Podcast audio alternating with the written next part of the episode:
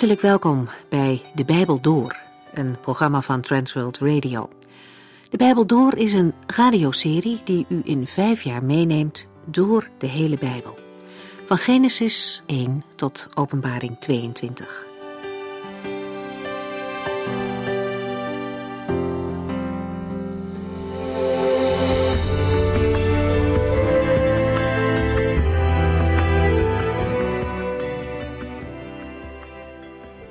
Vandaag gaan we naar een korte terugblik verder met 2 Kronieken hoofdstuk 7.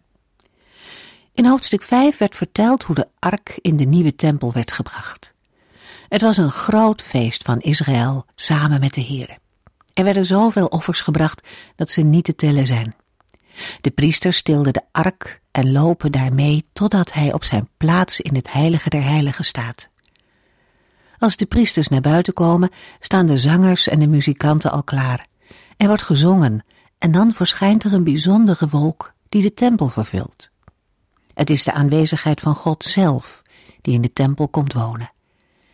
De heerlijkheid is zo overweldigend dat de priesters niet op hun voeten kunnen blijven staan. De Israëlieten die dit meemaakten, zullen het vast nooit vergeten zijn. Zo'n indruk die dit gemaakt moet hebben. Zo overweldigend. In het vervolg komt Salomo aan het woord. Hij, als koning, zegent het volk en bidt indringend voor hen. Hij begint zijn gebed met een beschrijving hoe uniek God is. Hij heeft al zijn woorden gehouden, niet één belofte van de Heere is vervallen. En zo is God nog steeds. Elk woord van hem is betrouwbaar. God doet wat hij zegt. Dat geldt ook voor alle woorden met betrekking tot de toekomst die nog uit moeten komen. Geen enkele belofte van de Heere zal onvervuld blijven. Salomo gaat verder en zegt opnieuw dat de Heere veel te groot is om in de tempel te wonen. En daarom vraagt Salomo Epidag of de Heer toch wil luisteren wanneer zijn volk bidt en hem aanbidt. Hij vraagt of de Heer dag en nacht zijn ogen open wil houden om naar de gebeden te luisteren. En dan noemt Salomo zeven verschillende situaties waarin de Israëlieten terecht kunnen komen. En bij elke situatie pleit hij op Gods goedheid om dan toch te luisteren naar de gebeden die omhoog zullen gaan. We lezen verder in 1 Kronieken 7.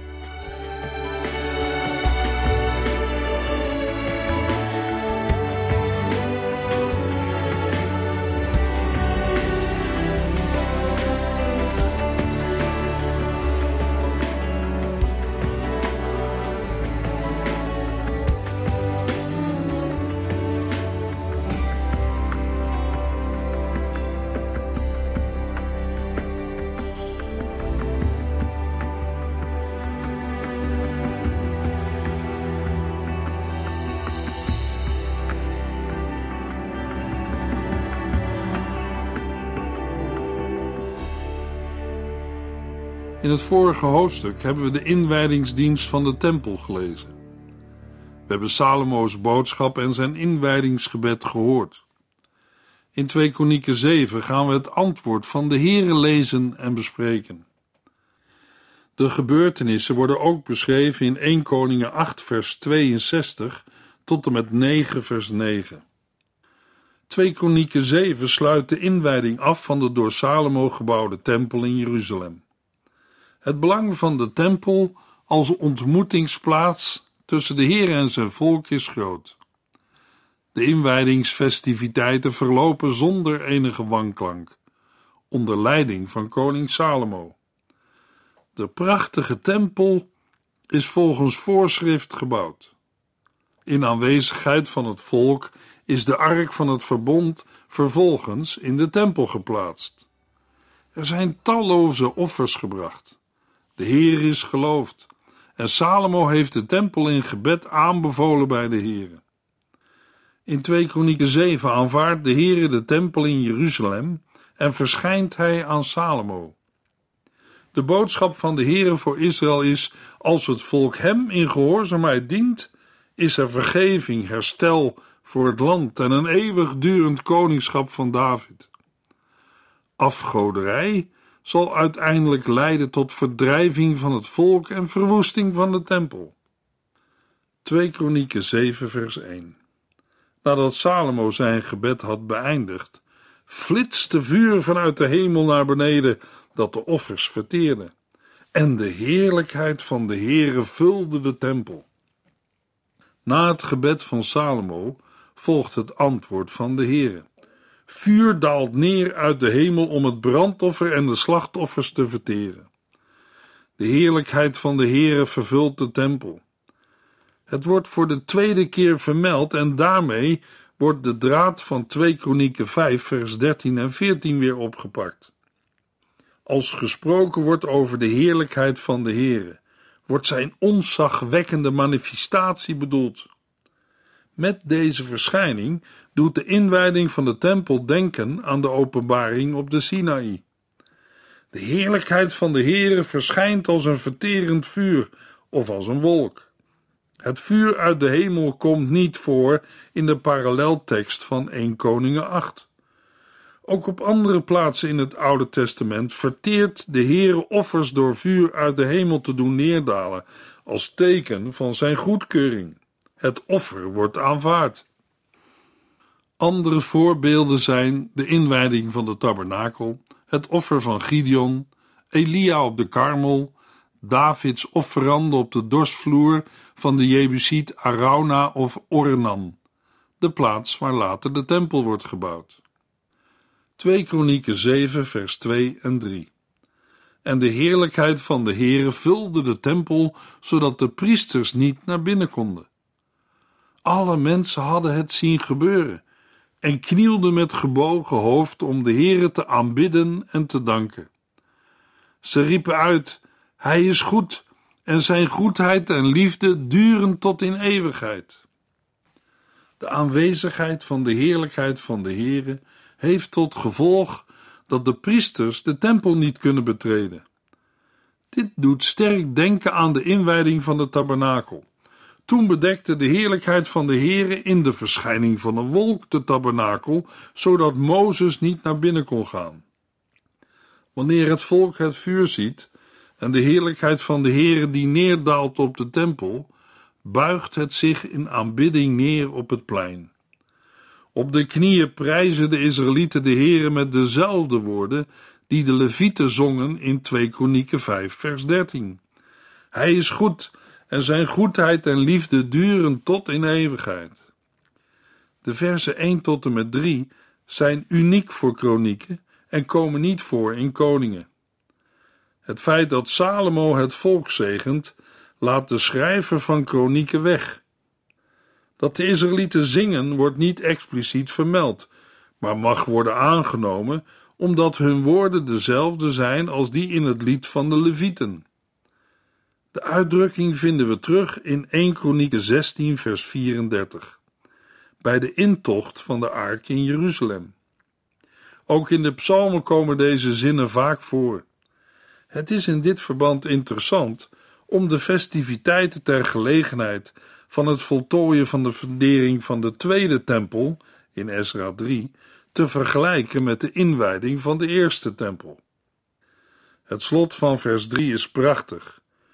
En niet alleen lofprijzing voor oud-testamentische gelovigen, maar ook voor nieuw-testamentische gelovigen.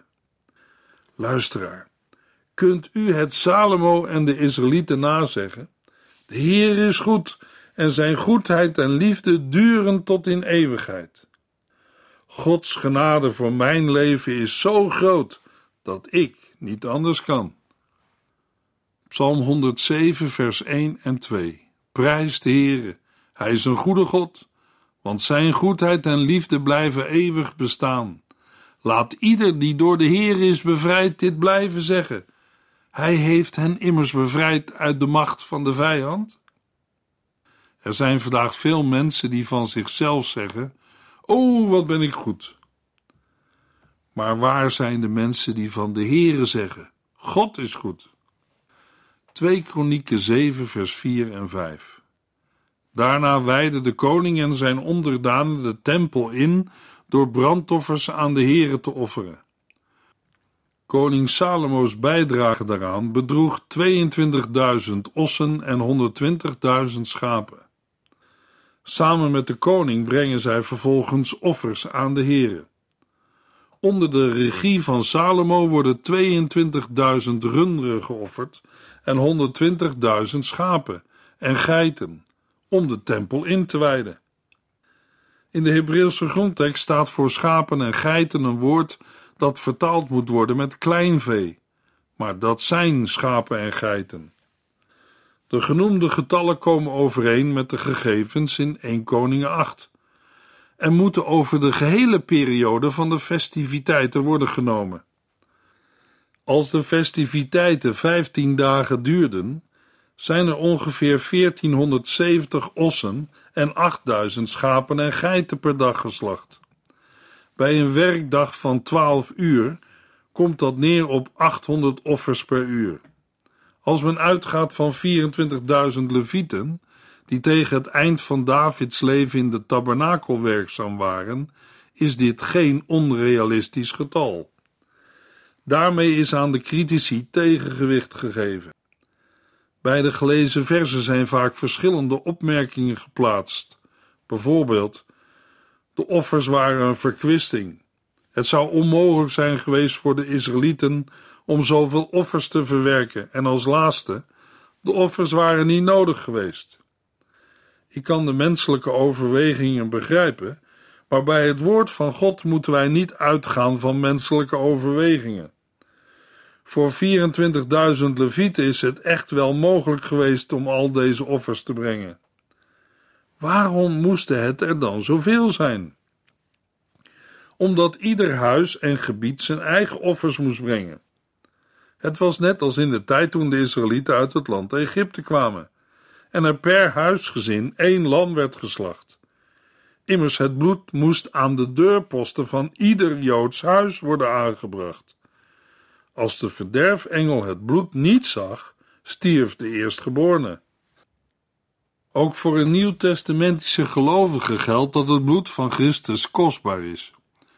U weet toch wat een geweldige losprijs God heeft betaald om u vrij te kopen van het lege bestaan dat u, net als uw voorouders, leidde. U bent niet vrijgekocht met iets dat vergaat, zoals zilver en goud, maar met het kostbare bloed van een volmaakt en vlekkeloos lam, het bloed van Christus. 1 Petrus 1, vers 18 en 19. Aan de andere kant moeten we bij de oud-testamentische offers ook bedenken dat niet alle offers volledig werden verbrand. Het vlees werd ook later als voedsel gebruikt. De brandoffers werden geheel door vuur verteerd, maar de andere offers, zoals het vredeoffer, dankoffer of slachtoffer, niet. De inwijding van de tempel was aanleiding voor een groot feest en een blijde viering. 2 Kronieken 7 vers 6 De priesters stonden op hun normale posten en de levieten speelden een lied om de Heere te danken voor zijn eeuwig durende goedheid. Daarvoor gebruikten zij de muziekinstrumenten die koning David zelf had gemaakt en had gebruikt om de Heere te loven. Toen de priesters op de trompetten bliezen, bleef iedereen staan. De priesters voerden hun toebedeelde taak uit en daarnaast zijn de levieten bezig om met de muziekinstrumenten die koning David heeft laten maken, cymbalen, harpen en citers, de Heere te prijzen. Zij doen dat door, zoals David hun leerde, Gods eeuwige goede tierenheid te bezingen. Tegenover de levieten staan 120 priesters die op de trompetten blazen. Vers 6 komt niet voor in de paralleltekst in 1 Koningen 8. De interesse van de schrijver van kronieken voor de levieten, met name de muzici, is opmerkelijk. Met hun muzikale bijdrage vervulden de levieten een essentiële rol in de tempeldienst. De namen van de muzikanten vinden we in 1 Kronieken 6.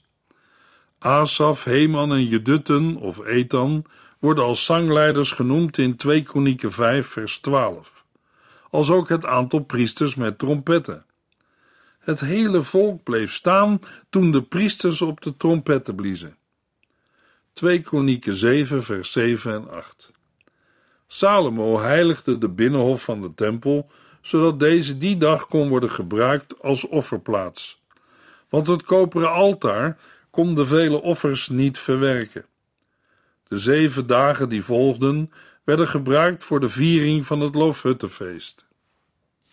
Vanuit heel Israël kwamen grote groepen mensen en onder hen waren er zelfs uit Hamat in het uiterste noorden en uit de buurt van de grens met Egypte in het uiterste zuiden. Salomo heiligt het middengedeelte van het plein voor de tempel om daar de brandoffers en de vetstukken van de vredeoffers te bereiden. Het koperen altaar dat de koning heeft laten maken, kan de zeer grote hoeveelheid brandoffers, graanoffers en het vet van de geslachte dieren niet verwerken.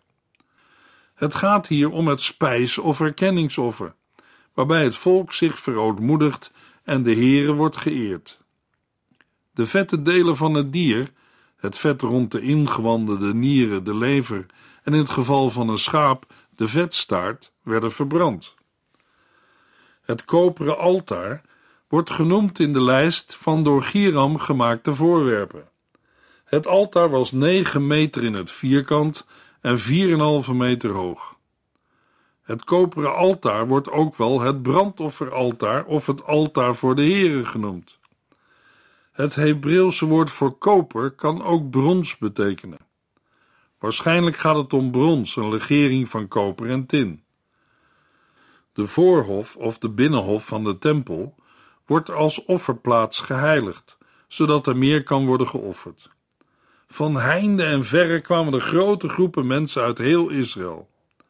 Vanaf Hamat tot de rivier van Egypte betekent van het uiterste noorden tot het uiterste zuiden van het land.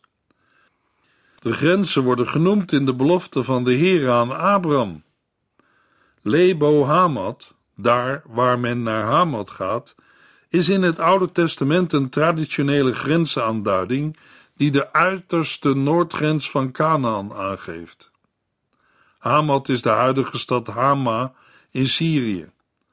De locatie uit de buurt van de grens met Egypte, of ook wel aangeduid met de rivier of beek van Egypte, staat ter discussie. Het gaat om een waterweg die de grens met Egypte aanduidt. Wellicht is het een arm van de Nijl. Het is mogelijk dat deze rivier gelijk moet worden gesteld met de Sigor in 1 Kronieken 13 vers 5. De boodschap van de gebiedsaanduiding is in ieder geval duidelijk. Heel Israël gedraagt zich naar het ideaal van het verbondsvolk en wordt als zodanig gezegend. Aansluitend op het inwijdingsfeest vieren Salomo en de Israëlieten gedurende zeven dagen het Loofhuttenfeest. Dat dit het Loofhuttenfeest is, blijkt uit het feit dat er zeven dagen feest wordt gevierd, zoals is voorgeschreven voor het Loofhuttenfeest. Op de achtste dag van het Loofhuttenfeest is er een hoogtijdag, een afsluitend feest na veertien dagen van festiviteiten. Op deze dag, de 23ste dag van de zevende maand, stuurt koning Salomo het volk naar huis. De Israëlieten zijn door de feestelijkheden gesterkt en vertrekken blij en bemoedigd vanwege al het goede dat de Heere gedaan heeft voor David, Salomo en Israël, zijn volk. 2 Kronieken 7 vers 11 en 12 Toen Salomo de bouw van de tempel en van zijn eigen paleis voltooid had en alles had gedaan wat hij zich had voorgenomen, verscheen de Heere hem in de nacht en zei: Ik heb uw gebed gehoord en deze tempel gekozen als de plaats waar u mij uw offers mag brengen. Nadat Salomo het werk aan de tempel en het koninklijk paleis voltooid heeft, verschijnt de Heer opnieuw aan hem. De koning is erin geslaagd alles uit te voeren wat hij in gedachten had, om te doen in de tempel van de Heere en in zijn eigen paleis. De Heere verschijnt aan Salomo in de nacht. Hij heeft het gebed van de koning aangehoord en laat hem weten dat hij de tempel aanvaard heeft als plaats om gediend te worden. 2 Kronieken 7 vers 13 en 14 Als ik de hemel sluit, zodat er geen regen valt, of als ik de sprinkhanen zwermen beveel, dat zij al uw oogsten moeten opeten, of als ik de pest onder u laat uitbreken, en mijn volk zich vernedert en bidt, mij weer zoekt en breekt met zijn zondige praktijken, Dan zal ik vanuit de hemel luisteren, zijn zonde vergeven en het land weer gezond maken. De Heere komt terug op het gebed van Salomo. De Heere noemt droogte, schadelijke sprinkhanen of de pest als instrumenten die hij kan gebruiken om het volk te tuchtigen. Zonde in het land leidt tot rampspoed in de vorm van droogte en daarmee voedselschaarste. Ook sprinkhanenplagen en ziekte stonden bekend als plagen die de Heere kon sturen. In Deuteronomium 28 vers 15 lezen we: Als u niet naar de Heer uw God luistert en deze wetten die ik u vandaag geef niet wilt gehoorzamen, zullen al deze vervloekingen over u komen. En dan volgt in de versen 16 tot en met 68 de lijst met dreigingen. In vers 14 worden zaken genoemd die het land aantasten. Het volk Israël heeft het land van de Heer ontvangen. Tuchtmaatregelen, zoals hier genoemd, zijn bedoeld om het volk te doen terugkeren naar de Heer. Als het volk zich verootmoedigt door gebed, de Heere zoekt en zich bekeert van de zondige levensstijl, zal de Heer hen aanhoren vanuit de hemel en het land herstellen. Luisteraar, het is goed om bij deze verzen even stil te staan. Velen vatten deze verzen op als straffen van God voor een zondig en ongehoorzaam volk. Maar daarmee doen wij de Heere tekort en komen we niet bij de diepte van wat de Heere drijft om dit te zeggen en op te schrijven. Laten we niet vergeten dat de Heere regelmatig de band tussen hem en zijn volk vergelijkt met die van vader en kind. Dat geldt niet alleen voor het volk Israël, maar ook voor de Nieuwtestamentische gelovigen. De heiland leert zijn volgelingen de Heere aan te spreken met onze Vader die in de hemelen zijt. De Heere voedt zijn kinderen op en net als ouders soms worstelen met hun kinderen omdat ze eigen wegen gaan en niet luisteren naar de wijze raad van vader of moeder, worstelt de Heere ook met ons. Helaas moet de Heere vaak opvoedkundige maatregelen gebruiken om zijn afdwalende kinderen tot de orde te roepen. Als zij niet naar zijn woord luisteren, laat de Heere hen echt niet los. Hij laat hen niet rondzwerven in de diepste duisternis totdat ze voor eeuwig verloren zijn. In Hebreeën 12, vers 5 tot en met 8 lezen we: U bent zeker vergeten hoe God u als zijn kinderen moed gegeven heeft.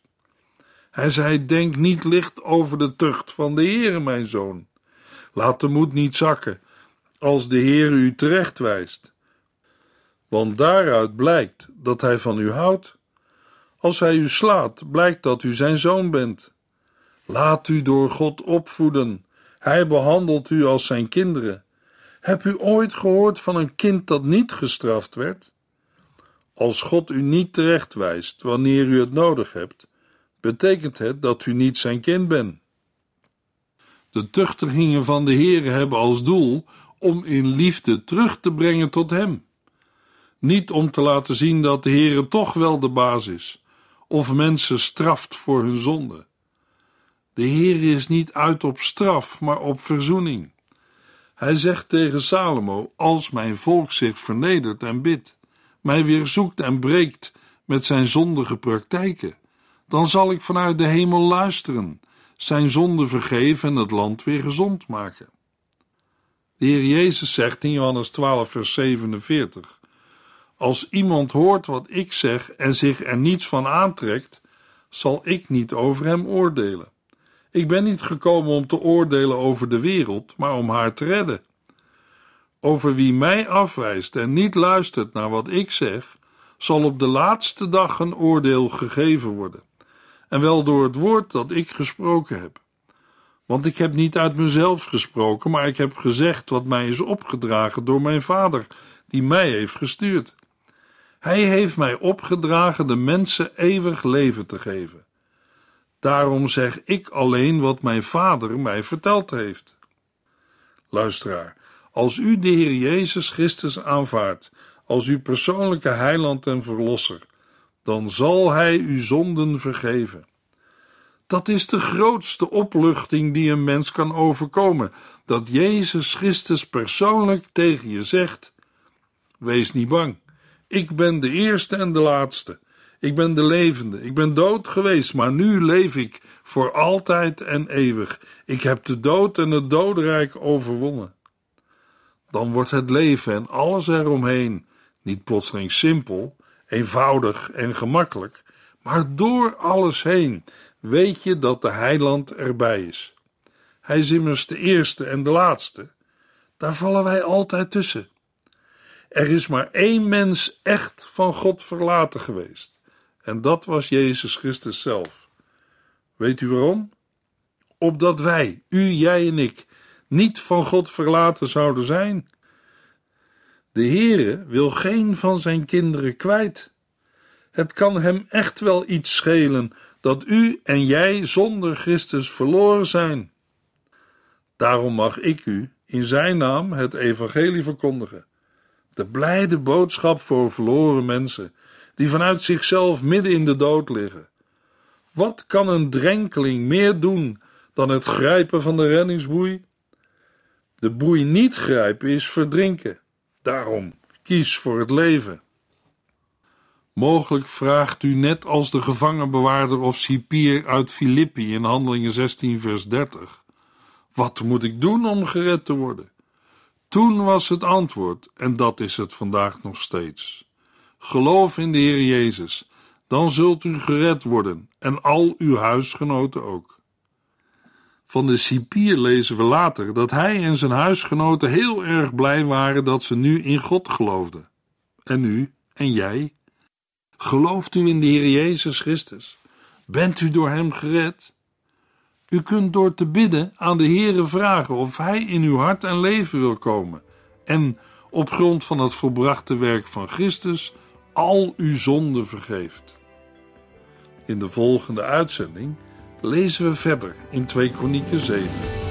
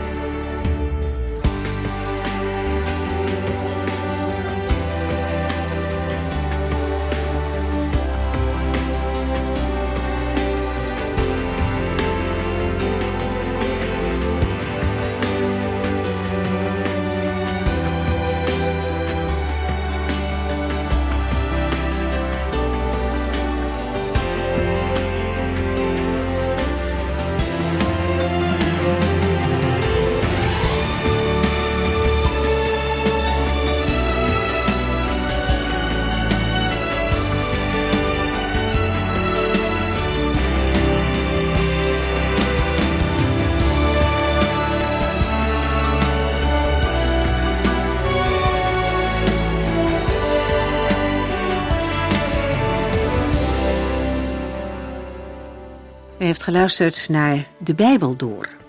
In het Nederlands vertaald en bewerkt door Transworld Radio. Een programma waarin we in vijf jaar tijd de hele Bijbel doorgaan. Als u wilt reageren op deze uitzending of u heeft vragen, dan kunt u contact met ons opnemen. Tijdens kantooruren kunt u bellen op 0342 47 8432. 0342 47 8432. 32. Ook kunt u een e-mail sturen naar de Bijbel door transworldradio.nl en natuurlijk kunt u ook via de post ons bereiken. TWR, postbus 371, postcode 3770, AJ in Barneveld. Dit programma werd gepresenteerd door Cor Weda en Ike André. Techniek was in handen van Odin van Woerdekom. En wij allemaal bedanken u voor het luisteren. Graag tot de volgende keer.